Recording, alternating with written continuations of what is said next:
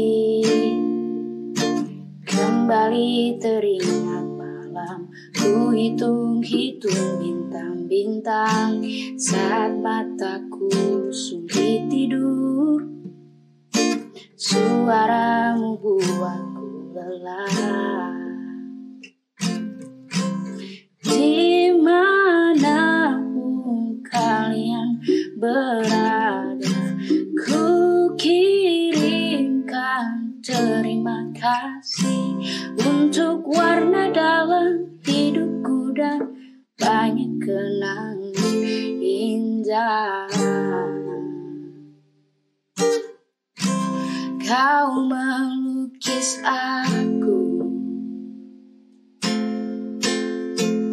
Kita tak pernah tahu Berapa lama kita diberi waktu Jika aku pergi lebih dulu Jangan lupakan aku. Ini lagu untukmu. Ungkapan terima kasihku. Lembar monokrom hitam putih Aku coba ingat warna Demi warna di hidupku. Takkan aku kenal cinta? Bila bukan karena hatimu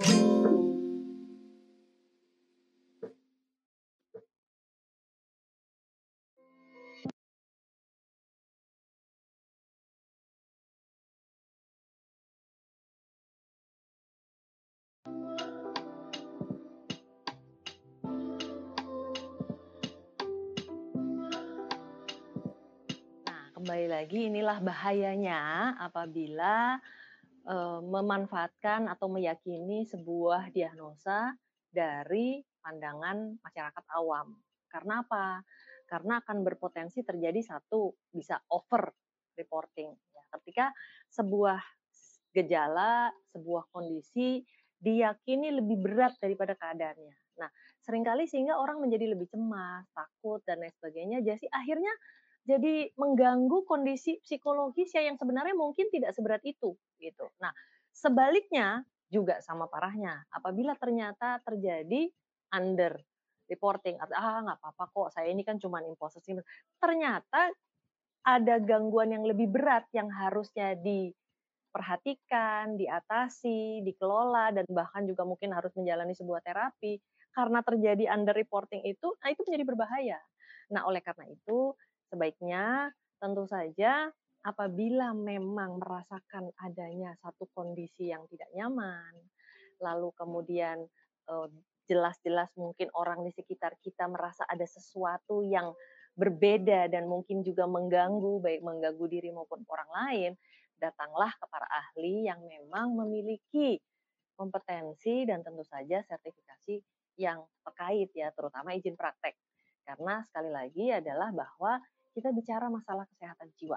Tentu saya berharap kami para psikolog klinis dan teman sejawat psikiater berharap bahwa masyarakat menjadi lebih peduli dan lebih sadar pentingnya arti kesehatan mental dan tentu saja apabila memang ternyata ada dugaan gangguan eh, mohon agar segera dikonfirmasi dengan datang ke para ahli yang memang memiliki kompetensi terkait.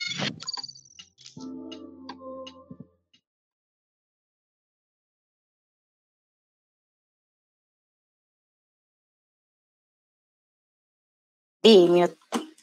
Halo halo semuanya, selamat uh, sore, selamat datang di Asyik Talks episode ke-6 dengan judul The Danger of Self-Diagnosis, Learn the Characteristics of Each Mental Illness Before Reaching Out to Professionals. Nah jadi tadi di awal uh, aku ada play video dari detik.com ya, di situ ada seorang psikolog klinis yang menjelaskan bahwa self-diagnosis itu begitu berbahaya. Nah sebenarnya seberbahaya apa sih uh, self-diagnosis gitu ya? Uh, uh, dari pandangan psikiater yang pakarnya langsung nih. Kita tentunya pengen tahu dong.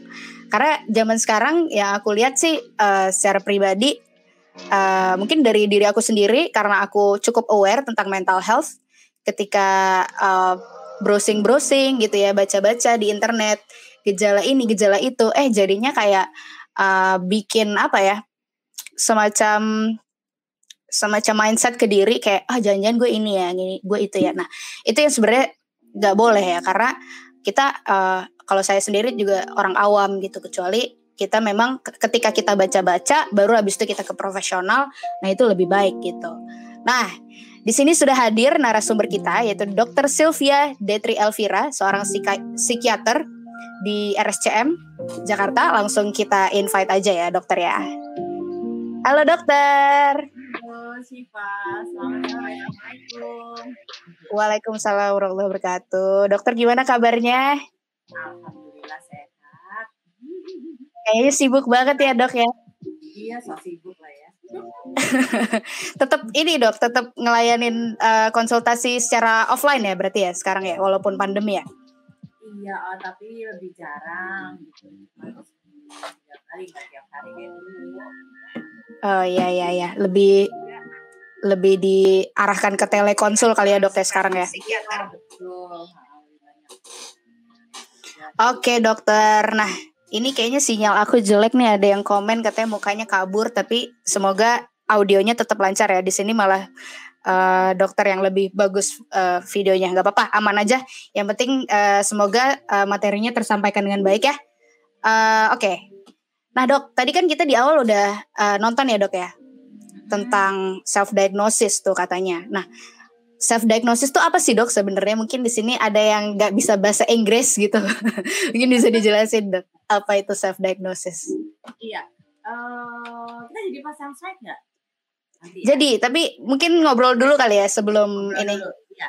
Nah, mm -mm. self diagnosis itu adalah self kan sendiri, diri sendiri. Diagnosis itu membuat sesuatu nama penyakit atau suatu kondisi gangguan fisik atau mental yang uh, memerlukan terapi biasanya. Jadi kalau kita melakukan self diagnosis artinya kita menegakkan diagnosis artinya kita melabel kali ya diri kita hmm. dengan suatu kondisi tertentu.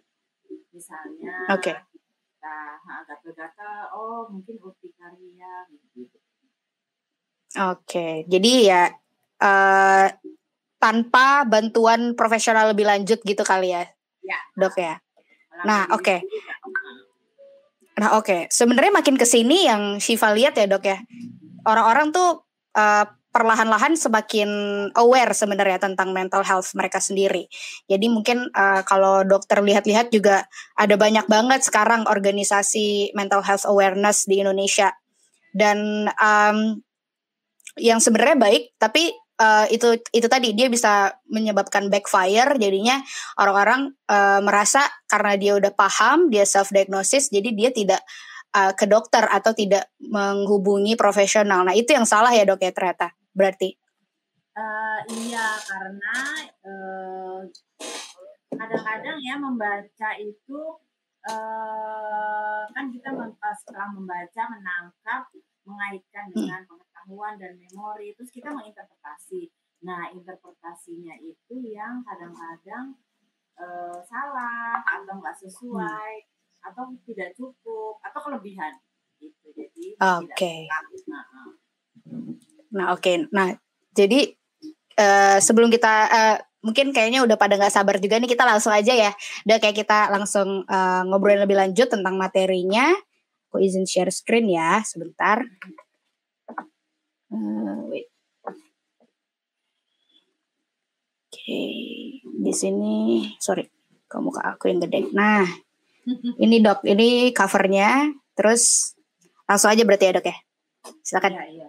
Ya udah, assalamualaikum warahmatullahi wabarakatuh. Pertama-tama saya tentu mengucapkan terima kasih kepada Siva ya.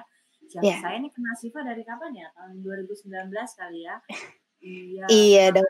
Siva e, berbaik hati membagi atau berbagi tentang pengetahuan yang e, perlu diketahui oleh e, masyarakat oleh orang-orang yang banyak lah ya yang banyak yang belum tahu.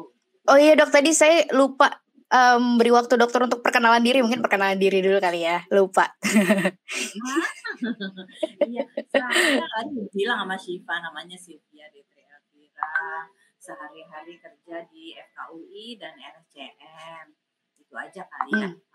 Oke, okay, berarti uh, dokter ini udah senior lah ya, mungkin di RSCM ya dok ya. Oke oke. nah oke okay, oke, okay. langsung aja berarti ya dok ya. Kita ini share screen lagi. Oke. Okay. Iya. Iya. Udah muncul ya? Sebentar, sebentar. Ya, sebentar. Oh iya, ya, oke. Okay. Uh, Oke, okay. sebentar dokter ada ini. Aku mau share screen. Nah, jadi uh, topik kita tuh hari ini uh, ada beberapa outline-nya ya. Pertama ada pendahuluan. Terus apa itu sebenarnya sehat jiwa dan apa itu gangguan jiwa? Apa penyebab gangguan jiwa? Apa saja diagnosis gangguan jiwa dan mengapa berbahaya mendiagnosis diri sendiri. Nah, um, di sini kita bakal apa ya uh, banyak yang bakal kita obrolin karena uh, mungkin konotasinya di teman-teman sendiri kalau yang belum terlalu banyak browsing nih tentang mental health ya jadi uh, gangguan jiwa tuh jadi terkesan negatif gitu. Nah tapi uh, sebenarnya kan ada gangguan jiwa yang ringan ada yang ada tingkat-tingkatnya. Nah di sini makanya kita bakal bahas lebih lanjut nih sama dokter Sylvia gitu. Uh, Oke, okay, ini dokter. Dokter mohon maaf uh, di ah, udah, udah di unmute. Oke, okay, lanjut aja ya dok ya langsung ya. Iya, maaf. Jadi uh, kita akan bahas tentang sehat jiwa, gangguan jiwa, lalu apa penyebabnya, apa saja diagnosis, lalu kenapa kita berbahaya mendiagnosis diri sendiri. Ya. Oke, okay. next ya. Iya. Uh, ternyata kesehatan jiwa itu merupakan hal yang sangat penting dalam kehidupan kita sehari-hari. Iya, Pak? Iya. Ya, jadi ada Setuju. kayak ada slogan ini waktu Hari Kesehatan Jiwa Sedunia tahun 2019 kayaknya ini. There is no health without mm -hmm. mental health. Coba uh, teman-teman ya ibu, bapak-bapak, teman-teman anak-anakku semuanya kalau Anda misalnya uh, sakit batuk pilek bisa kerja, bisa ke kantor, bisa kuliah nggak? Masih bisa ya? Nggak bisa. Eh, bisa sih. Tapi kalau udah... Ya, enak ya, kalau batuk pilek yang berat.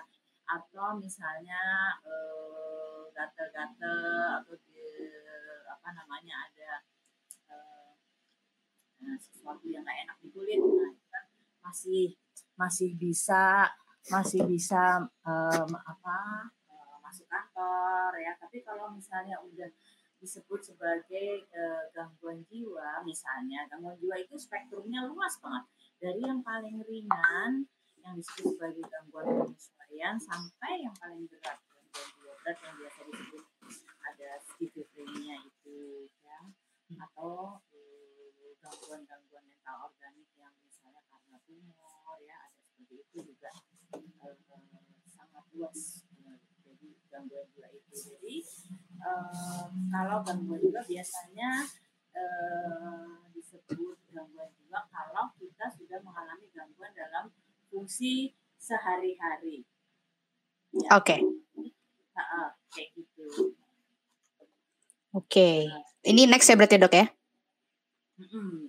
Jadi sehat jiwa, sehat jiwa itu artinya bila ya, bila seseorang hmm, bisa berfungsi dan bahagia dalam kehidupan sehari-harinya, bisa menerima orang lain dan diri sendiri apa adanya.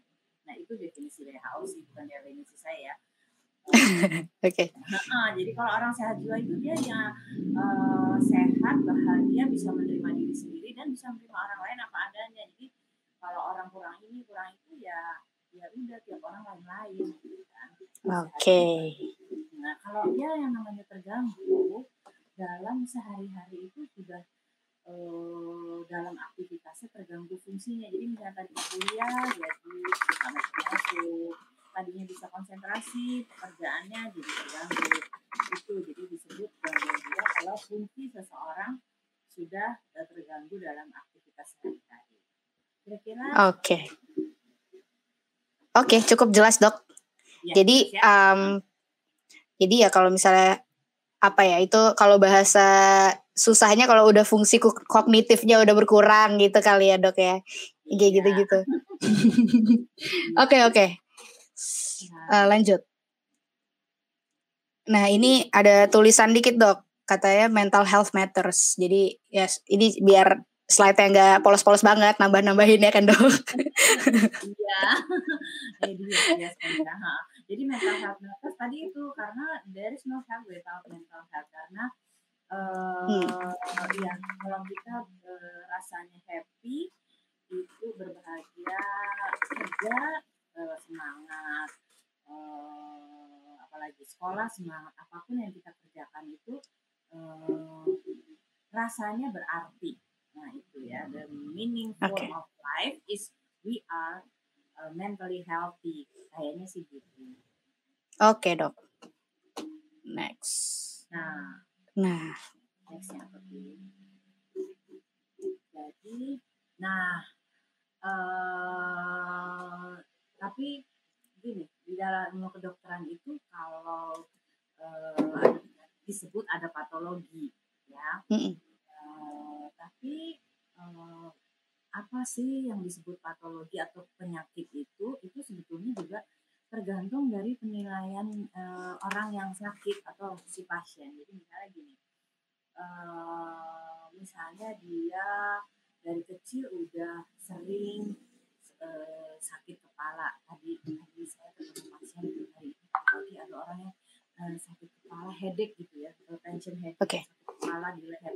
Tapi dia bilang oh dari saya dari kecil dong jadi saya pikir itu tadinya nggak apa-apa gitu. Tapi ternyata kalau saya stres baru saya sakit kepala gitu. Jadi Oke. uh, sakit dan tidak tergantung dari penilaian subjektif. Nah sebagai supaya kita pasti memang kita harus ke profesional. Yang kedua teori dan patokan yang dianut itu juga beda-beda. Jadi uh, dalam kedokteran banyak sekali teori tetapi mana yang kita pakai. Lalu tergantung juga dari konteks uh, sosialnya dan konteks Hmm. kultural. Misalnya misalnya ada uh, orang latah ya. Oke. orang latah kalau di dalam ilmu kedokteran jiwa itu ada disebut sebagai latah tapi itu berkaitan dengan fenomena budaya. Nah jadi eh, kalau di dalam di daerah tertentu itu eh, biasa aja orang latah itu.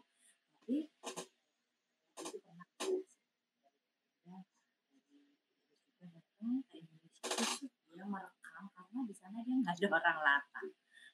Oh, oke. Eh, jadi gangguan jiwa itu juga tergantung dari konteksnya dan dari eh, sos- konteks sosial dan kultural. Artinya di kita orang Batak tuh nggak apa-apa gitu kan karena banyak orang Batak tapi di tempat lain dianggap ih ini antik sekali gitu ya. Oke. Iya. Berarti aspek ini ya, budaya dari tempat mereka masing-masing itu berpengaruh juga terhadap ini ya, Dok ya. Iya, heeh. Oke. Iya. Eh, jadi biasanya kita bisa lihat tadi kan kita bicara tentang sehat jiwa dan gangguan jiwa. Em, kita bisa melihat atau merasakan orang itu terganggu dilihat dari tiga fungsi biasanya pikirannya, perasaannya, dan perilakunya. Ya kan? Oke. Eh, Iya. Kalau kita memang yang paling gampang dilihat adalah perilaku. Kalau orang perilakunya tadinya dia pendiam tiba-tiba jadi loh tiba-tiba jadi gembira banget. Atau tadinya cerewet tiba-tiba jadi pendiam loh. Sekarang kok perilakunya berubah. Nah, yang dirasakan oleh yang bersangkutan itu pikirannya, ya, pikirannya atau perubahan dalam perasaan jadi sedih daripada orang-orang depresi misalnya. Iya. Oke. Nah, kembali ke slide tadi, kalau patologi dalam ilmu kedokteran disebut eh, suatu penyakit, kalau di psikiatri atau ilmu kedokteran juga disebut psikopatologi. Nah, itu merujuk pada penderitaan pasif dan gejala yang menimpa seseorang. Jadi, maksudnya gimana? Jadi, seseorang mengalami satu gangguan jiwa itu sebetulnya kan dia nggak mau ya, mana ada orang mau gangguan jiwa Benar. tak ada yang mau. Nah, tapi di dalam kedokteran disebut sebagai kondisi mental itu diciptakan, direka dan pelihara. Kenapa seperti itu? Jadi eh, nanti kita bahas pada saat penyebabnya. Jadi sebetulnya biasanya orang datang ke lembaga profesional itu setelah dia mengalami penderitaan berminggu-minggu atau berbulan-bulan atau bahkan bertahun-tahun. Misalnya Oke. orang yang terpaksa harus cuci-cuci tangan, itu sebetulnya dia nggak kepengen, tapi eh, kalau nggak cuci tangan tuh nggak lega ya. Nah, udah Oh, cuci tangan, oke. kemudian aduh pengen cuci tangan lagi deh, kayaknya nggak pernah nih cuci tangan. Udah pengen tenang lima menit, aduh pengen lagi. Sebetulnya dia juga nggak mau.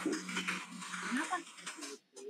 Penderitaan pasif karena direka oleh eh, pribadi orang itu karena eh, pada seseorang itu ada fungsi-fungsi tertentu dari kepribadiannya misalnya eh, kepribadian subjektif, ego dan super ego. Nah, ego ini yang menentukan kalau kita dalam kondisi tak nyaman, kita dalam kondisi tak nyaman, itu apa nih yang mau kita lakukan? Coba slide dulu deh, Oke, oke. Sip, sip. Mungkin eh, belum eh, mungkin orang-orang banyak yang belum kebayang kali ya, Dok. Nanti kita bakal eh, ngobrol lebih lanjut. Tenang aja. Next, next. Nah,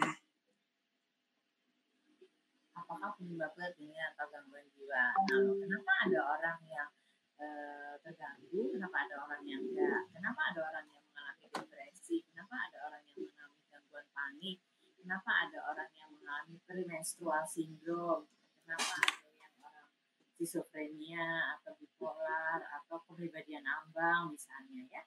Kenapa? mhm. slide. Oke. Nah, ini ini udah kalau aku sih udah familiar banget nih sama diagram ini nih. Iya. Iya. Jadi kedokteran sampai sekarang masih menganut konsep biopsikososial. Artinya seseorang itu bisa terganggu eh, jiwanya dalam fungsinya itu gak bi- bukan karena satu faktor, misalnya karena faktor psikologik aja, tapi tiga-tiga hal ini yang berperannya faktor biologi, faktor psikologi, dan faktor sosial. Nah, faktor biologik itu apa? Yaitu ketika kita terlahir ke dunia, eh, dilahirkan sama ibu di sini ya, eh, di mana pun mau dilahirkan, itu sudah punya perangkat tertentu di dalam tubuh kita. Jadi otaknya itu udah eh, seperti itu bentuknya, zat-zat kimia seperti itu. Dari mana dapatnya ini? Biasanya di genetik ya, dari bapak, Hmm. ibu. Kalau bapak ibu nggak ada bakat, oh dari kakek nenek, dari buyut ya seperti itu. Jadi biasanya ada eh, faktor eh, biologi atau faktor genetik disebutnya. Nah, yang kedua Oke. adalah faktor psikologi. Nah, kalau faktor psikologi apa? Yaitu faktor-faktor yang dialami oleh seseorang saat dia tumbuh dan berkembang.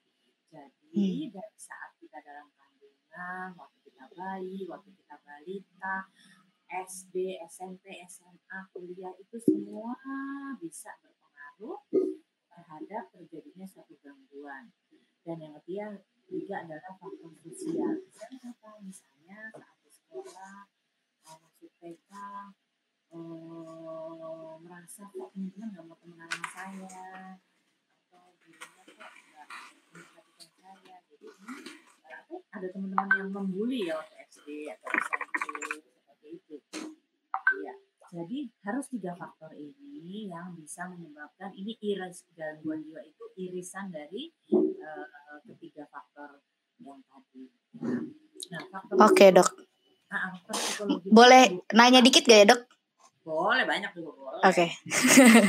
nah, mungkin tadi eh, sempat dokter bahas kalau biologis itu kan lebih ke arah genetik ya, dan kita nggak bisa nge-tracing juga apakah dari papa kita atau dari mama kita atau dari nenek atau kakek yang eh, udah berlapis-lapis di atas kita. Nah, eh, kalau misalnya dengan eh, biologis itu kan bisa juga dengan makanan yang kita konsumsi gitu dok. Nah itu berpengaruh nggak ya dok ke hormon-hormon di otak kita?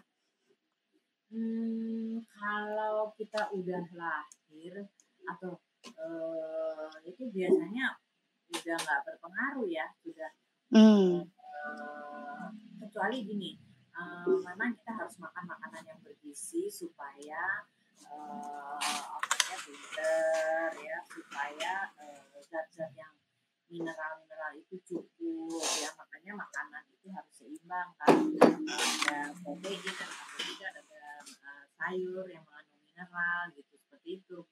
Jadi eh, idealnya pada umumnya makanan yang seimbang itu yang bagus untuk eh, pertumbuhan otak kita. Jadi otak itu nggak boleh kekurangan zat tertentu juga. Jadi kalau kurang protein eh, bisa nanti nggak terlalu pintar ya. katanya makan ikan bikin pinter dok. nah, tapi berarti kalau yang di tiga diagram ini kita lebih bahas yang eh, apa ya dari orang lahir gitu kali ya lahir, terus dia tumbuh kembang dan dia bakal eh, tiga faktor inilah yang berpengaruh ke eh, kondisi kejiwaan mereka, begitu ya dok ya? Iya.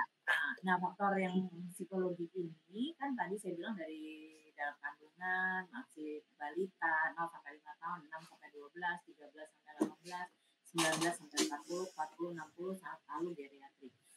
Em, memang menurut teori sebaiknya seorang anak itu seimbang mendapatkan perhatian atau kasih sayang dan latihan untuk kecewa atau Oke. menunda keinginan.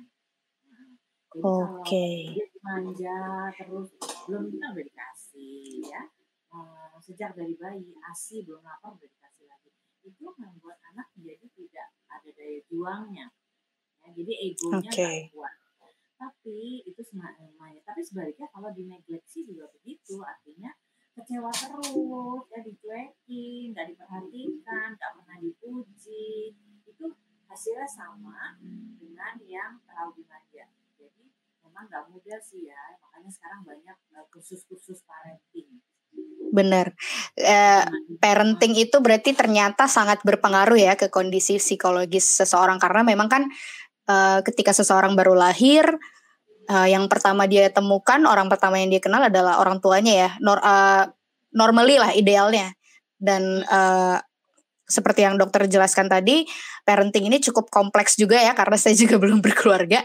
Nggak paham juga. Tapi intinya uh, kayak yang tadi dokter bilang dimulai dari hal kecil ya. Misalnya kayak uh, misal anaknya terlalu dimanjain atau justru sebaliknya terlalu tidak terlalu diperhatikan itu dapat berpengaruh ke kondisi psikologisnya. Dan itu mungkin um, agak kompleks kalau kita bahas lebih dalam tapi uh, intinya begitu ya. Psikologis itu uh, apa ya faktor psikologis itu parenting uh, berperan besar. Intinya gitu ya dok ya berarti dan ya. juga uh, bagaimana persepsi si anak.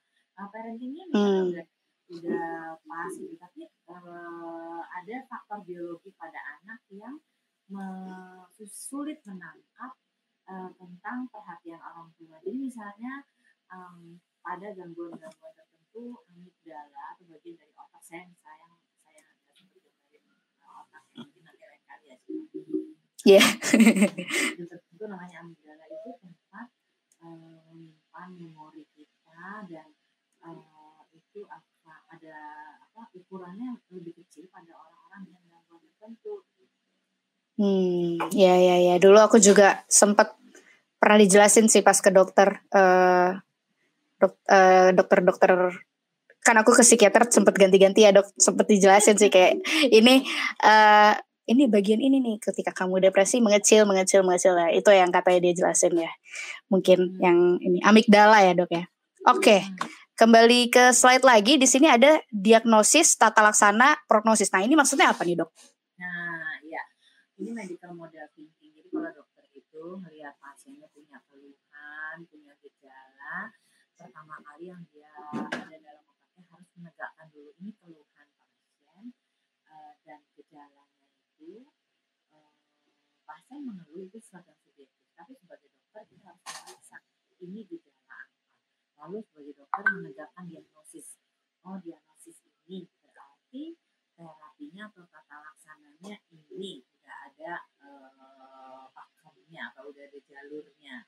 Nah, untuk lalu setelah kita melakukan uh, tata laksana, kita biasanya sebagai dokter harus melakukan pre prediksi juga prognosis artinya kira-kira uh, ada tiga tuh uh, bagaimana kemungkinan hidup ya ad vitam terus kemungkinan uh, fungsinya orang ini akan bisa kembali apa tidak yang ketiga adalah bagaimana penyakit itu berlanjut atau tidak atau apakah akan memburuk atau tidak seperti itu jadi ini okay. uh, cara pikir kalau seorang dokter itu menemukan keluhan atau gejala pasien jadi pasien juga harus tahu supaya kalau nggak didiagnosis tata laksananya kalau diagnosisnya salah tata laksananya salah jadi prognosisnya okay. Oh, oke. Okay. Nah, jadi dari sini aja nih kita udah bisa lihat ya sebagai orang awam uh, sangat uh, apa ya? Gak mungkin kalau kita self diagnosis kita melakukan uh, tahapan-tahapan ini gitu ya. Nah, jadi memang harus ranahnya profesional gitu. Sekedar baca, sekedar ingin tahu lebih lanjut boleh, tapi ketika kayak uh, untuk memfonis seseorang itu mempunyai gangguan jiwa atau enggak itu tetap harus ranahnya profesional khususnya di psikiater tentunya ya untuk mental illness ya dok.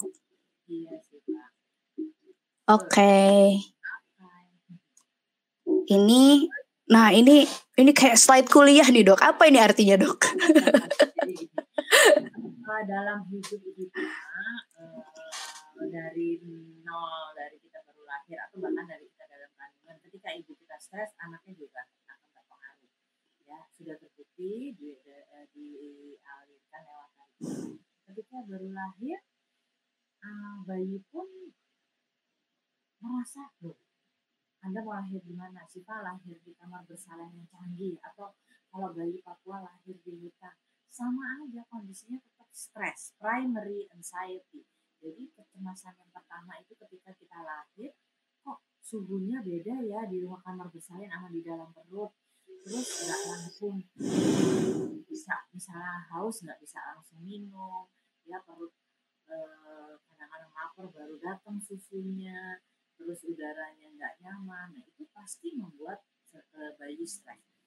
Dengan bertambahnya waktu dia sekolah, TK, SD, SMP juga seperti itu setiap pindah ke suatu tahapan dari TK masuk SD stres dulu sih nah tapi hmm. stres itu ada yang eustress ada yang distress. Eustress okay. artinya apa? Stres yang sehat. Stres yang bisa dianggap sebagai tantangan. Contohnya apa? Contohnya ujian ya. Kalau ujian pasti kita semua orang nggak ada yang nggak stres. Tapi dengan adanya ujian kita belajar. Memacu kita untuk lakukannya biar lulus nih. Jadinya kita bersemangat untuk belajar.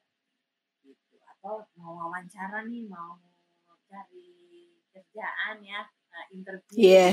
juga stres ya tapi itu stres yang sehat gitu nah apa yang terjadi pada tubuh kita kalau uh, kalau kita mengalami stres ini saya mau menjelaskan bahwa banyak sekali sistem dalam tubuh yang bekerja kalau kita stres neurotransmitter, terus uh, sistem sistem otonom di tubuh, sistem endokrin, sistem imun, semua sistem ini terpengaruh kalau kita stres, terjadi imbalance.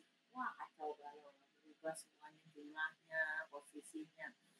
Alhamdulillahnya Allah menciptakan namanya mekanisme adaptasi. Jadi tubuh sendiri punya mekanisme untuk menyeimbangkan kembali uh, kondisi okay. yang dialami Nah, kalau yang sukses itu dia akan mencapai keseimbangan yang baru homeostasis. Oke. Okay. Enak lah ya, jadi adaptasi baru.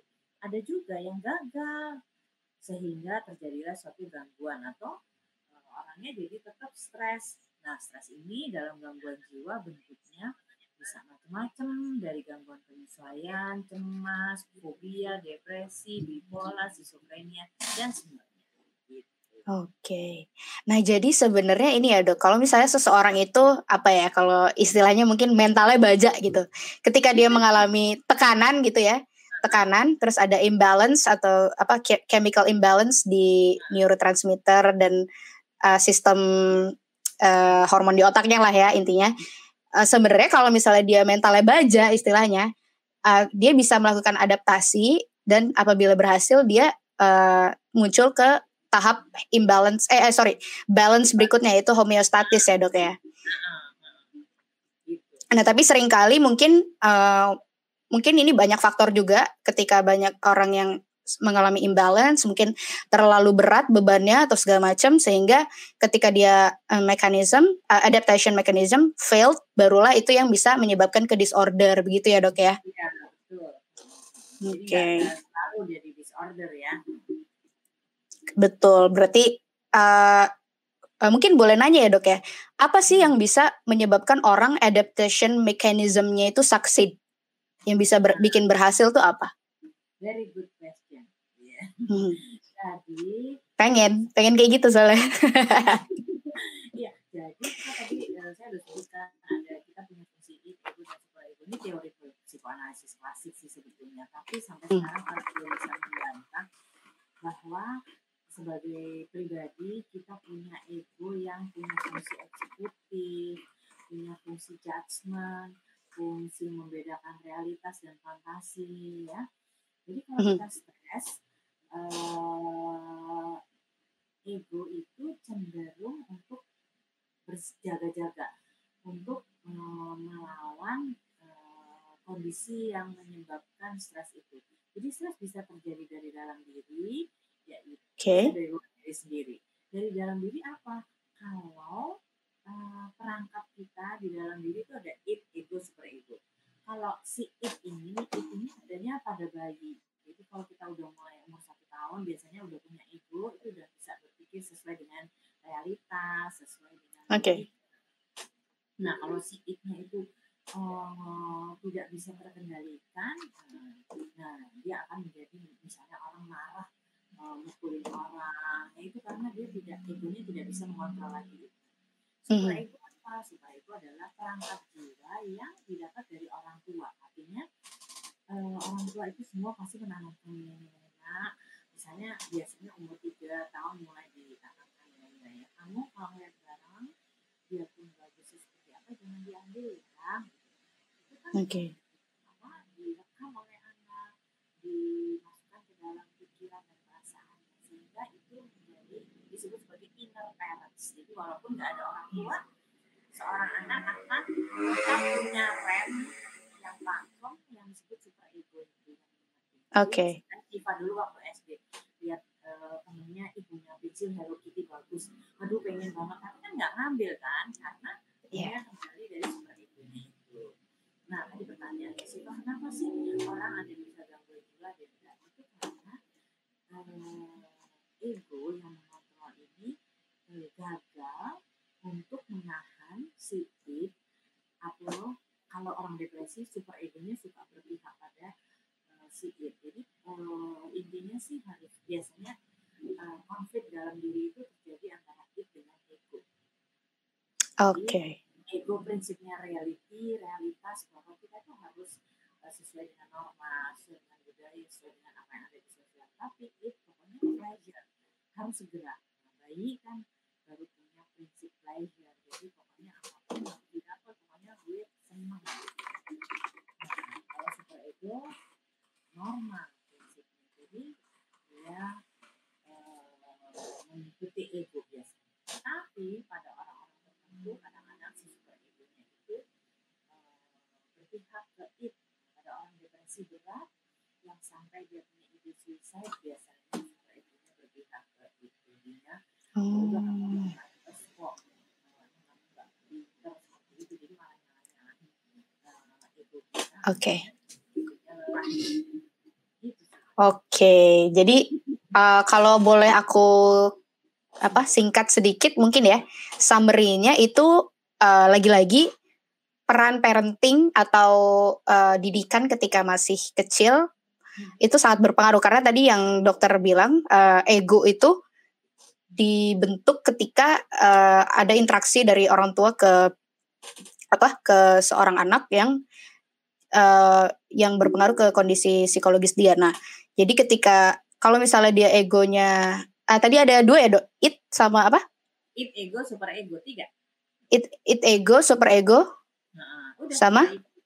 Udah. Oh It oke. ego super ego. It yang Oh it ego, super ego. Nah, Nah jadi eh memang intinya itu apa ya? Mungkin bahasanya ya tergantung orang masing-masing kali ya. Orang bisa eh, sukses di adaptation mechanism, tapi salah satu yang paling penting adalah ketika dia eh, dia ada di ego jenis mana. Jadi eh, cenderung ke mana. Jadi ketika misalnya dia mengalami chemical imbalance, eh, terus dia cenderung ke ego yang apa tuh dok? Yang satu tadi? jadi egonya bisa lemah, bisa kuat. Nah, kalau dia lemah artinya Oh oke. lemah itu tadi dua, terlalu dimanja atau terlalu dicuekin, terlalu dinegleksi. Jadi resultantenya adalah dia menjadi eh, egonya ra- lemah tidak tidak kuat. Oke. mengalami fiksasi atau energinya bisa ketinggalan di masa-masa perkembangannya itu karena terlalu manja atau terlalu diabaikan. Nah, diabaikan. Oke oke. Dan Oke. Jadi mungkin eh balik lagi ya dok ya ke di- diagram yang tiga lingkaran tadi. Kalau misalnya ada seseorang mengalami pressure di kantornya atau misalnya di sekolahnya, pressure yang sangat tinggi hingga dia akhirnya mengalami chemical imbalance eh, dan failed. Nah itu bukan berarti cuman karena pressure di kantor, tapi juga karena eh, pengalaman dia ketika dia masih kecil, egonya dia tuh kayak gimana gitu ya dok ya, mungkin Ya, kasarnya. Internal dalam diri dan faktor luar. Oke, oke. Next, next, next. Next slide berarti ya dok ya. Ya, next slide. Nah, ini nih. Bagaimana? Bagaimana menegakkan diagnosis? Next. Next. Nah, ini apa nih dok? F0, F9 ini dok. Gini, jadi seorang dokter itu, dokter umum, dokter spesialis itu eh, punya yang namanya ini berdasarkan ICD International Classification of Disease. Uh, namanya kalau dalam gangguan jiwa uh, kodenya adalah F. Uh, gangguan jiwa itu ada berpuluh-puluh beratus-ratus dari F0, Oke. F1, F2, F3. Saya nggak saya saya nggak sempat bikin F1, 2, 3, 4, 5 nya, tapi garis besarnya F0 itu adalah gangguan mental organisasi. Gangguan yang disebabkan oleh kelainan atau penyakit di otak. Oke. Atau penyakit sistemik misalnya penyakit metabolik ya gula Oke. penyakit ginjal atau orang itu infeksi eh, apa HIV atau COVID ini atau kecelakaan lalu lintas trauma psikik atau penyakit autoimun atau keganasan itu secara menyeluruh dalam tubuh bisa kalau dia sudah berat akan mempengaruhi otak. Jadi F0 itu intinya adalah gangguannya terjadi pada otak, bisa karena di otaknya itu ada infeksi, ada tumor atau ada lain-lain. Bisa juga ada penyakit sistemik yang seperti gula dan lain-lain tadi. Ya, itu F0. Jadi pertama kali eh, seorang dokter kalau melihat orang cemas misalnya, eh, debar-debar cemas, nggak boleh langsung mikir, oh ini gangguan panik. Nggak bisa seperti itu. Jadi kita harus mikir dulu, oh gangguan panik itu mirip sekali dengan gangguan jantung memang. Hmm. Mitral misalnya, jadi kartu mitralnya itu ada ada sesuatu. Jadi F0. Eh, setelah F0 nggak ada, seorang dokter itu harus turun dulu ke F1. F1 isinya gangguan penggunaan zat. Artinya narkoba itu ya. Jadi segala macam narkoba bisa tampil seperti gangguan jiwa. Ya, jadi Oh. bisa jadi depresi, bisa jadi panik, bisa jadi fobia, bisa jadi kita memang harus bertanya secara teliti sama lihat-lihat tanda-tanda di tubuhnya. Kalau dia nyuntik ada bekasnya, kalau dia jadi memang harus teliti. Ya, jadi zat itu ada yang depresan, ada yang stimulan. Seperti itu dan itu bisa membuat gejalanya uh, mirip seperti panik, mirip seperti bipolar, mirip seperti schizophrenia bisa F1. Nah, kalau F1 nggak ada dari uh, pemeriksaan kita, baru kita turun ke F2. F2 isinya schizophrenia, psikoafektif, gangguan paham. Jadi uh, orang bisa dibawa ke IGD karena dia udah gelisah. Seba- eh, Nggak boleh tuh langsung dipikirnya, oh ini gangguan jiwa berat. Nggak boleh. Karena kalau dia di sini jiwa berat, padahal dia ada gelisahnya karena tumor di otak, atau karena gula darahnya sangat tinggi, atau karena gulanya tinggi, bisa bisa fatal, bisa langsung meninggal. Ya, jadi kita memang harus hati-hati. Nggak boleh tidak berlebihan. Habis F2 baru kita masuk ke F3 yaitu gangguan bipolar, depresi, gangguan bipolar dan eh, ya bipolar, de- depresi dan bipolar F3. Oke. F- Kalau di F3 nggak ada baru turun ke bawah F4 gangguan stres, eh, fobia, cemas dan gangguan terkait stres. Jadi cemasnya bisa eh, general anxiety, bisa panik, bisa fobia, bisa obsesif kompulsif. Kalau itu nggak ada, baru F5 itu yang disebut sebagai zaman dulu disebut sebagai psikosomatik. Jadi di dalam Hmm. Nah, gangguan itu ada dua, eh, bisa memang nggak ada apa-apa di dalam tubuhnya, misalnya eh, lambungnya nggak apa-apa, tapi dia perih perih gitu. Tapi ada juga yang ada gastritisnya atau GERD, yang sekarang kan orang banyak yang Juga iya. ada gangguan di lambung, tapi dia akan anteng kalau nggak ada stres. Itu F5. Oh. Uh, jadi gangguan itu tuh di gangguan makan, gangguan tidur, gangguan seksual itu isinya di F5. Kalau F5 nggak ada, kita turun ke bawah gangguan kepribadian. Nah, kepribadian ini ada banyak banget, ada 10 ya. Jadi kita uh, memang harus meneliti uh, pasien kita termasuk. Tapi kepribadian ini bukan termasuk sindrom klinis yang di aksis satu. Jadi kalau gangguan uh, jiwa itu kita lihat dari lima aspek. Ya, nah, Hmm. aspek yang kedua. Nah, kalau F6 nggak ada, kita turun ke bawah F7 itu retardasi mental. Biasanya udah diketahui sekolah ya atau kalau misalnya dia Down syndrome kan kelihatan dari wajahnya kalau Oke. Okay. gangguan yang uh, dimulai pada masa anak-anak ya, misalnya gangguan uh, perkembangan pervasif itu autism ADHD oh. ADHD oke okay. nah, F9 juga gangguan-gangguan pada anak sudah diketahui pada anak itu jadi oke okay. uh, menegakkan diagnosis gangguan jiwa itu harus sangat teliti kenapa ECNO ditaruh di atas karena dia gejalanya bisa mirip sama yang bawah jadi makin ke bawah uh, gejalanya uh, bisa dicukup oleh yang di atas kenapa dia taruh di paling atas itu karena berkaitan dengan life saving sama gejalanya bisa mencakup yang di bawah coba tadi saya bilang kalau orang uh, deg-degan itu langsung dianggap sebagai gangguan panik pada dia ada gangguan jantung diobati bisa bisa meninggal dong bahaya hmm. Jadi tadi itu kayak hierarki gitu ya dok ya? Iya, hierarki. Nah, kalau misalnya tadi kan F3, F3 ya bukan ya dok yang bipolar dan segala macam? Ya. Uh. Uh, Terus yang F4 itu psikosomatis. Eh, F5 atau F4 ya? F5, F5. F4 itu nah. uh, gangguan cemas dan lain-lain. Oh, oke. Okay.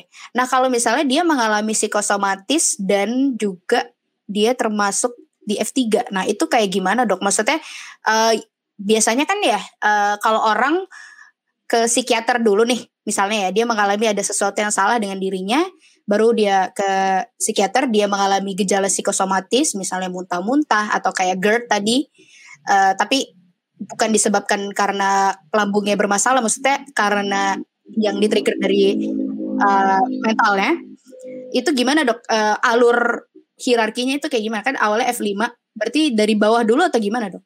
Gak bisa harus tetap dari atas. Oh, oke. Okay. Jadi kalau orang ada GERD itu jelas dia ada gangguan di fisiknya. Uh, tapi tadi Siva bertanya kalau dia ada juga depresi katakanlah ya S3. Nah, biasanya uh, depresi itu juga bisa tampil seperti gejala F5 seperti gejala hmm. mual ada mualnya bisa. Jadi depresi apalagi pada anak dan pada orang tua. Orang dewasa orang dewasa kan sedih ya. Marah. Hmm. kalau pada orang tua lebih ke keluhan fisik. Begitu juga pada anak-anak. Uh, pada anak-anak okay. itu nah, jadi bisa dilihatnya dari gambarnya kalau anak-anak dari cara cara dia bermain mainan yang dipilih. Hmm. kalau orang dewasa nah 18 sampai kira-kira 60 tahun 59 tahun itu baru kelihatan dia sedih uh, malas ngapa-ngapain Oke. Okay. Ini menarik sekali ya. Jadi dari sini uh, lagi-lagi uh, bisa dibilang dalam menentukan seseorang itu termasuk gangguan jiwa apa, ada banyak sekali hierarkinya, ada sembilan. Jadi dilihat dari atas dulu, ada gejala ini apa enggak, ada apa, turun lagi, turun lagi, turun lagi hingga akhirnya uh, bisa ditentukan dia punya gangguan jiwa apa. Dan itu pun gak bisa ya dok ya. Dari satu kali ke konsul ke dokter itu gak bisa ya dok ya? Harus, harus beberapa bisa. kali ya? Harus oh harus bisa.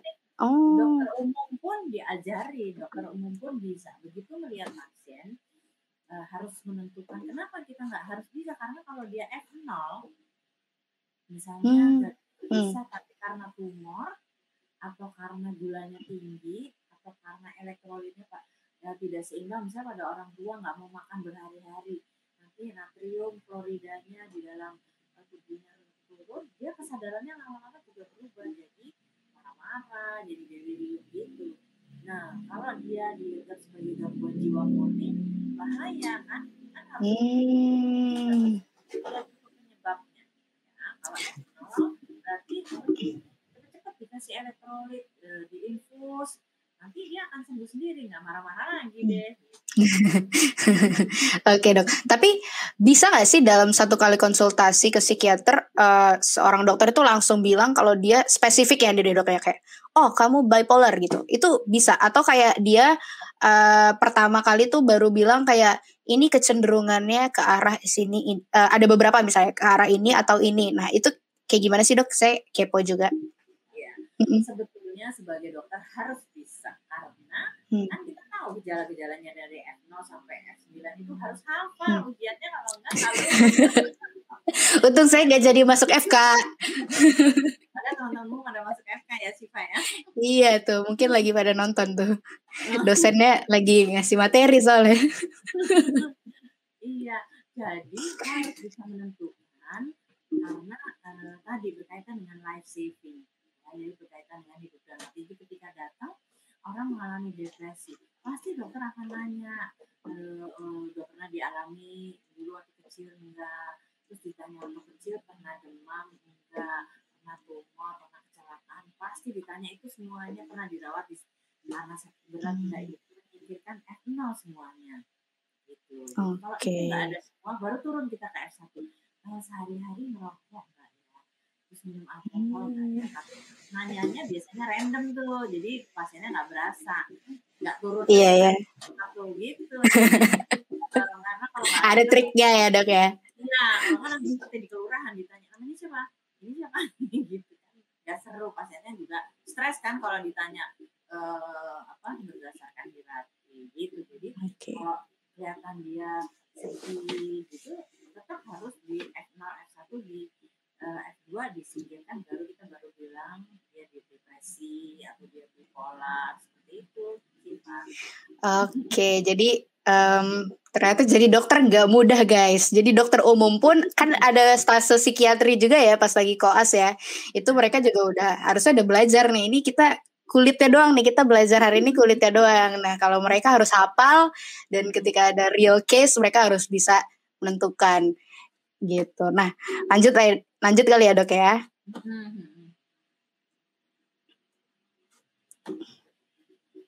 Mengapa berbahaya melakukan self diagnosis yang berlebihan? Iya, jadi self diagnosis itu boleh dalam rangka awareness ya. Hmm. Artinya eh, kan zaman sekarang semuanya pada suka baca, melihat di internet. Misalnya tiba-tiba kok nggak bisa konsentrasi, tiba-tiba malas ke kantor, tiba-tiba dulu kok kayaknya beda banget kerjain tugas. Itu aduh saya kenapa ya? Terus udah langsung lihat di internet. Aku kok nggak konsentrasi? Apa aku ADHD ya? Nah saya tuh beberapa kali ada pasien udah dewasa dok saya ADHD nggak ya? Kenapa? Ya saya baca di internet. Hmm. orang yang nggak bisa konsentrasi nggak bisa menyelesaikan tugas uh, itu katanya ADHD saya ADHD nggak uh, nah rasanya apa aja yang dirasain apakah biasanya ADD itu adalah uh, lanjutan dari ADHD waktu dia kecil. Kalau dari kecilnya ADHD nggak diterapi, biasanya bisa berlanjut. Tapi kalau okay. ucuk-ucuk orang dewasa ADHD jarang ya. Oke. Okay. Mungkin nggak bisa konsentrasinya karena lain. Bisa gangguan penyesuaian aja misalnya pindah kerja atau bosnya baru nggak sesuai atau galak, nah belum bisa adaptasi tadi tuh stresnya bisa adaptasi jadi mempengaruhi konsentrasi ya. Oke. Okay. Jadi sebatas awareness boleh, tapi ya. tidak sampai diagnosis gitu ya. ya. Karena berkaitan tadi dengan hierarki. Kalau tiba-tiba itu uh, deg-degannya apa? Itu karena sakit jantung beneran atau dia pusing-pusing karena tumor di otak. Nah, kan serem. Hmm, benar benar benar. Oke, Dok. Nah, ini kita udah masuk ke slide terakhir, Dok. Simpulan. Nah, simpulannya ah, kosong soalnya soalnya biar diobrolin, biar diobrolin, gak apa-apa. Uh -uh. Iya, biar pada dengerin, gak cuma ngeliat slide-nya doang. Gimana, Dok? Jadi yang pertama dalam kehidupan kita kalau kita mengalami suatu kegentingan jiwa atau gangguan itu biasa normal ya. Jadi mm -hmm boleh dong orang merasa dirinya stres ya karena uh, kehidupan tidak mungkin lepas dari stres. Namun bagaimana uh, kita bisa punya kiat-kiat caranya bisa mengatasi stres itu dan mengetahui stres kita itu apa.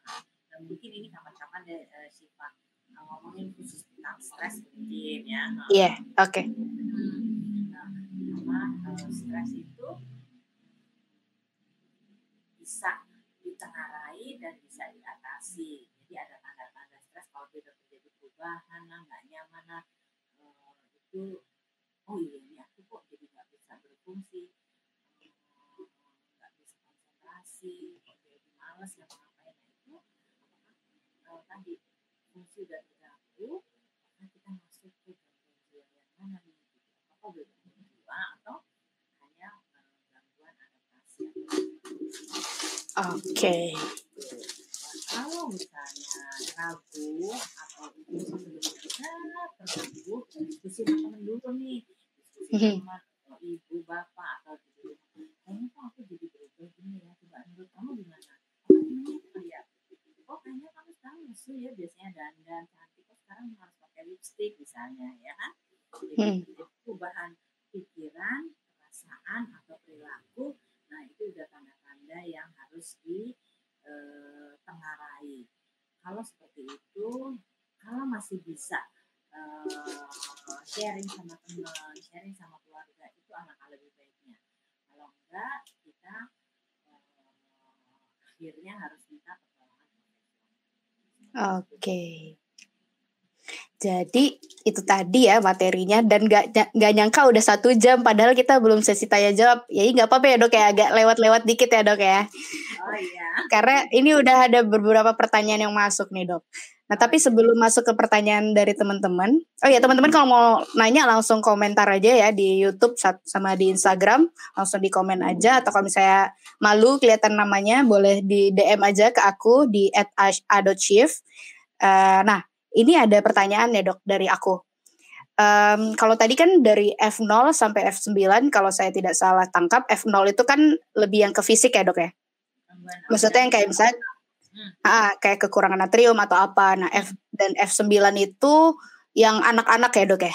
Ya anak. Nah kalau misalnya uh, orang-orang dengan gangguan jiwa yang uh, apa ya yang kita misalnya kita lihat di jalanan. Nah, itu tuh masuknya ke mana dok? Dan apakah sebenarnya mereka tuh dimulai dari gangguan jiwa yang sebenarnya uh, let's say mungkin skizofrenia awalnya tapi untreated karena mereka uh, uh, mereka tidak punya akses ke sana, uh, mungkin gak ada yang ngurus atau gimana sehingga jadi tidak terkontrol dan akhirnya uh, ya mungkin mereka tinggal di jalanan dan segala macam.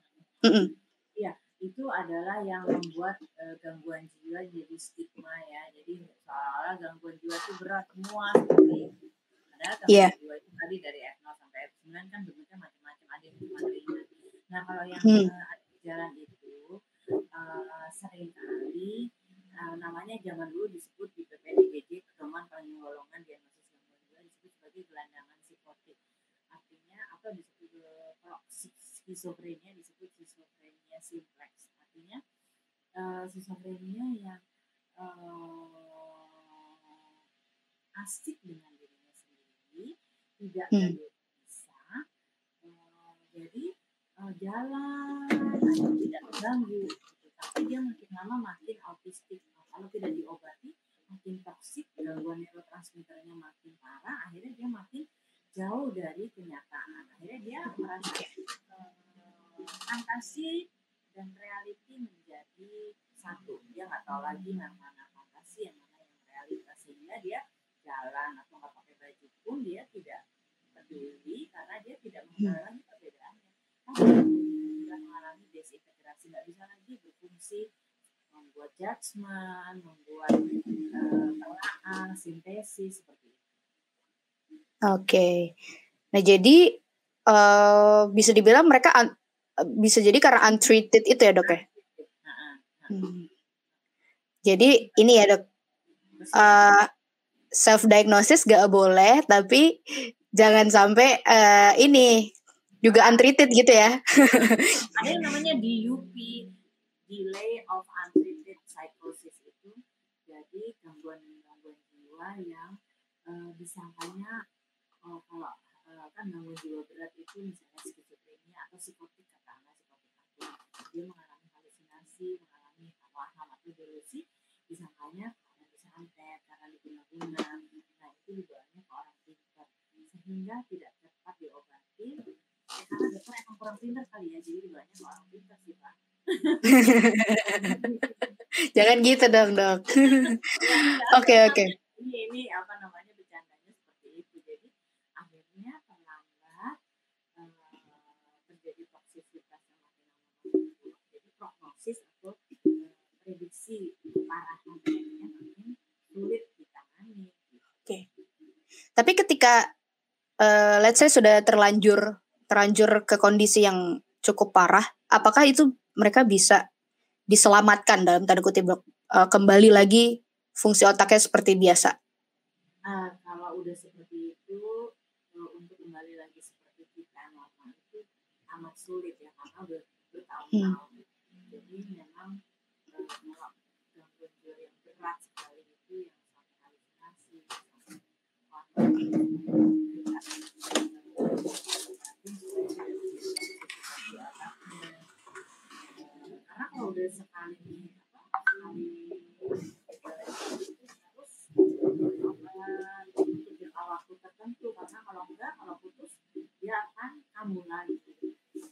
Oke, karena ini masalahnya di otak ya. Eh, otak ini kan kompleks, jadi kalau misal fisik mungkin masih bisa diselamatkan kali ya dok ya kayak misalnya eh, ketika dia minum obat atau mungkin dioperasi atau gimana akhirnya bisa ditangani. Tapi kalau masalah gangguan jiwa, apalagi kalau misalnya sudah kondisi yang cukup fatal, itu sudah sangat sulit ya dok ya untuk bisa dikembalikan. Nah jadi teman-teman uh, apabila merasa ada sesuatu yang salah, jadi apa pun yang dirasakan ya, se seringan apa pun gejala yang kamu alami, tapi itu sudah mengganggu aktivitas sehari-harimu, uh, boleh browsing-browsing dulu, self awareness sedikit, tapi ketika kamu butuh uh, penjelasan lebih lanjut, butuh pertolongan lebih lanjut, itu langsung ke professionals. Jadi bisa ke psikiater atau mungkin kalau misalnya yang pengen curhat-curhat dulu bisa ke psikolog dulu kali ya mungkin kalau yang gejalanya ringan nanti dari psikolog pun bisa merefer apakah ini uh, sebaiknya dilanjutkan ke psikiater atau tidak begitu. Nah uh, kita lanjut Oh iya dokter umum juga bisa iya sih. Waktu itu aku pernah uh, gara-gara bolak-balik diare, bolak-balik mah, muntah-muntah kayak nggak nggak beres-beres. Akhirnya ditanya coba deh uh, lagi stres ya gitu-gitu kan. Jadi dia mulai ber apa ya hierarki tadi kali ya dia nanya-nanya tapi nggak sadar. Oke, okay. Ini ada pertanyaan ya dok ya. Uh, ini sepertinya dari orang tua. Jadi pertanyaannya nih terkait mendidik Nah, kalau misalnya kita sudah terlanjur uh, salah dalam mendidik anak, let's say terlalu dimanja seperti yang dokter mention di awal, atau tidak pernah dilatih kecewa dan lain-lain, apakah masih bisa diperbaiki ketika anak sudah tumbuh sebagai remaja? Insya Allah bisa ya ibu ya, tapi hmm. makan waktu yang lama karena jadi ada uh, uh, di dalam ilmu kedokteran dalam psikiatri itu ada uh, kan uh, terapinya kan obat dan uh, psikoterapi. Nah bisa dilatih dengan psikoterapi. Psikoterapi itu jenisnya macam-macam. Mungkin dengan behavior terapi kali ya, terapi perilaku. Hmm. Nanti ada programnya, misalnya latihan, latihannya kecil-kecil dulu, misalnya. Uh, misalnya Gimana dok? Kenapa jadi sendiri kaget ya? Uh, uh, kaget. aman dong aman ada kok saya. iya. Nah, jadi ya, tadi kalau udah terlanjur dimanja, remaja itu apa nggak bisa diajak untuk um, susah katakanlah ya, bisa dilatih itu pelan-pelan, tapi dari hal yang ringan, misalnya kalau bangun tidur ya tersimut gitu, hmm. atau kalau misalnya habis makan bawa ke belakang gitu, atau kalau boleh sekalian cuci piringnya, mulai-mulai gitu. Jadi upik abu ini. ya deh, tapi ya itu ya kita melatih anak ya, melatih kemandirian, melatih istilahnya untuk mempersiapkan bahwa hidup tidak selamanya kita dilayani gitu ya. Jadi uh, akan mengalami masalah-masalah tertentu ketika sudah besar dan kita sebagai orang ya harus bisa menghandle itu gitu ya dok ya. Kalau Siva soalnya pernah kos ibu, jadi Tapi jarang beresin kamar. Yang beresin kamar juga mbaknya. Oke oke. lanjut ke pertanyaan selanjutnya. Nah, uh, kalau tadi kan kita let's say masih remaja, Dok. Kalau misalnya dia udah dewasa ketika misalnya dia udah umur 22 tahun gitu. Tapi ternyata uh, uh, itu tadi salah didikan, misalnya terlalu dimanja dan segala macam. Nah, ketika sudah dewasa apakah masih bisa diperbaiki melalui psikoterapi dan uh, terapi lainnya? Insya Allah bisa kalau orangnya mau. Hmm. Nah, motivasinya ada apa enggak? Kan sering kali Pak uh, yang merasa perlu ubah bukan dia ya ibunya. Benar. Kalau dia nggak mau insya Allah sih bisa. Jadi motivasi yang bersangkutan itu pengaruhnya sangat tinggi. Nah, jadi belum ada ya agak susah harus trust dulu ya. benar-benar mau berubah apa enggak? Karena kalaupun udah ke dokter juga kalau tiap hari uh, bukan tiap hari sih kayak tiap minggu psikoterapi tapi apa yang disarankan sama dokter yang nggak dijalanin nah itu juga ya tidak ada hasilnya ya dok ya takutnya ya. Mm -mm. nah oke okay, dok. Lanjut lagi pertanyaan. Nah ketika seseorang sudah uh, mengalami disorder ya gagal dalam apa tadi tuh uh, ad, uh, adaptasi mekanismenya gagal Kemudian setelah di maintenance atau ke dokter gitu ya dengan baik, mungkinkah tercipta keseimbangan hormon kimia otaknya secara alami pada akhirnya? Jadi mungkin maksudnya tidak perlu uh, minum obat lagi gitu. Apakah itu mungkin terjadi dok? Mungkin untuk beberapa gangguan jiwa bisa ya dok ya? Bisa. Jadi hmm. gangguan jiwa tadi saya sudah cerita bahwa dari ringan sampai berat. Misalnya di F4 ya. F4 itu ada yang namanya gangguan penyesuaian. Artinya uh, kesulitan adaptasi aja misalnya pindah kantor nih pindah kantor hmm. Biasanya orang juga butuh waktu tiga bulanan nah untuk adaptasi aduh baru aduh bosnya baru aduh tempatnya gimana itu mempengaruhi juga kondisi otak kondisi apa hormonal tubuh semuanya itu terjadi ketidakseimbangan pasti tapi kalau okay. ada adaptasi tiga bulan kemudian dia kembali lagi adaptasi baru hmm. jadinya gitu. ada gangguan penyesuaian tapi kalau pada gangguan berat harus obat kalau gangguan penyesuaian hanya psikoterapi aja bisa oke okay. tapi mungkin ya dok ya kalau misalnya banyak orang awam ya salah satunya saya sendiri gitu ya ketika uh, didiagnosa bipolar waktu itu saya search dong bipolar disorder di Google. Nah, itu kan langsung muncul tuh Un, uh, incurable, tidak bisa disembuhkan. Jadi incurable but manageable sih katanya. Nah, itu gimana dok sebenarnya? Apakah memang uh, ya mungkin kalau misalnya orang yang baru, pasien baru, jadi down ya ketika baca ah incurable nih, gue nggak bisa disembuhin. Nah, tapi faktanya sih kayak gimana sih dok? Uh, mungkin bukan cuma bipolar ya, ada uh, eh, BPD mungkin atau narcissistic personality disorder. Nah itu gimana dok tanggapan dari dokter? Hmm. Ya, kondisinya beda ya Siva. Kalau uh, F0 sampai F9 itu uh, tergantung juga ya. Jadi kalau misalnya bipolar atau uh, schizophrenia atau dia, depresi atau panik itu terletak kalau dalam diagnosis psikiatri itu ada di aksi satu. Artinya dia sindrom klinis yang mengganggu seseorang menjadi mengalami gangguan jiwa.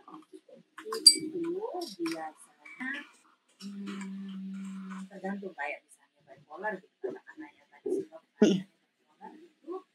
memang uh, dari sononya itu artinya gangguan di otak itu adalah hmm. kalau kita terdiagnosis ketidakseimbangan neurotransmitter itu disuplai dengan obat dari luar dia tidak lagi terlalu manik dan tidak lagi terlalu depresi maintenance gitu. jadi pengobatan itu ada uh,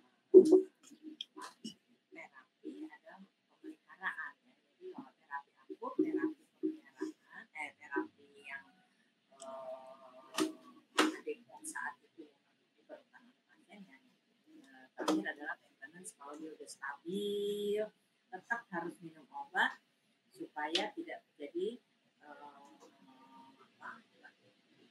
peningkatan yang berlebihan atau uh, depresi. Jadi kalau tanya uh, itu bagaimana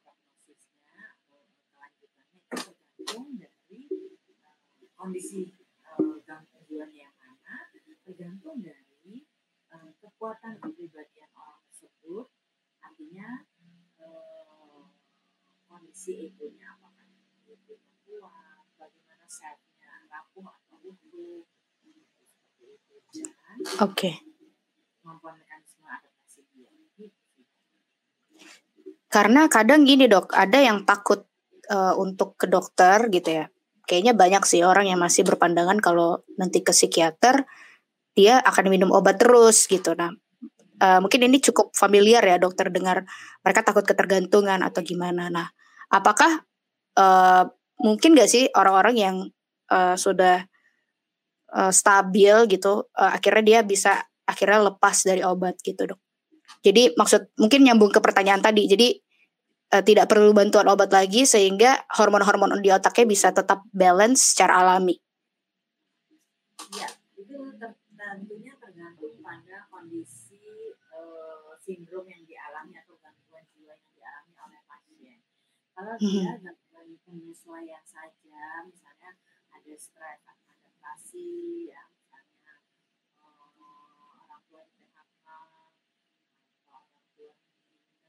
kan pasti kita berduka. Nah itu eh, kalau sampai depresinya berat, eh, bukan berkabut biasa perlu obat. Kalau kemudian eh, dia bisa mendapatkan terapi yang baik, terapi yang memulihkan dia kembali ke kenyataan bahwa oh sudah tidak ada lagi ya itu untuk menerima itu. Pun uh, tidak mudah ya bagi semua orang pun. Kalau dia sudah bisa menerima kenyataan bisa berfungsi lagi. Nanti dilihat lagi uh, antidepresi obat antidepresi itu diminum minimal enam bulan ya. jadi kalau depresinya sudah sembuh uh, sudah bisa berfungsi lagi tetap kita tidak boleh putus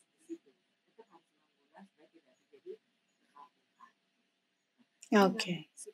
Pada gangguan psikotik, bipolar misalnya, atau schizophrenia minimal dua tahun kalau dia baru satu kali kambuh. Kalau dua kali kambuh lima tahun gitu. Jadi kalau dia okay. lagi dia bisa seterusnya minum obat dalam dosis kecil ya dosis. Oke. Okay. Jadi obatnya itu untuk sekedar maintenance aja gitu ya dok ya bukan uh, apa uh, untuk berjaga-jaga juga menjaga kestabilan atau keseimbangan hormonnya gitu. Tapi tapi, tapi ya sama loh tergantung. Ah iya iya iya. Berarti beda-beda. Lagi-lagi uh, memang ya, mental health ini nggak tahu F F3 ya. Jadi beda-beda banget. Masing-masing mental illness tuh berbeda. Ada yang tergolong uh, mood disorder ya kan, ada yang tergolong personality disorder. Nah, tentunya masing-masing dari penyakit tersebut uh, treatmentnya berbeda dan tergantung juga masing-masing orangnya seperti apa gitu ya. Jadi cukup kompleks. Nah, teman-teman. Nah, dah gak nyangka nih bentar lagi kita udah mau maghrib ya dok ya. Jadi uh, gak apa-apa dok masih uh, ini. Uh, oh iya, belum kok dok. Nanti. Nah, tanggal 15. Oke dok. Uh, nah, jadi buat teman-teman mungkin yang masih pengen ada pertanyaan, nanti bisa langsung email ke sylvia.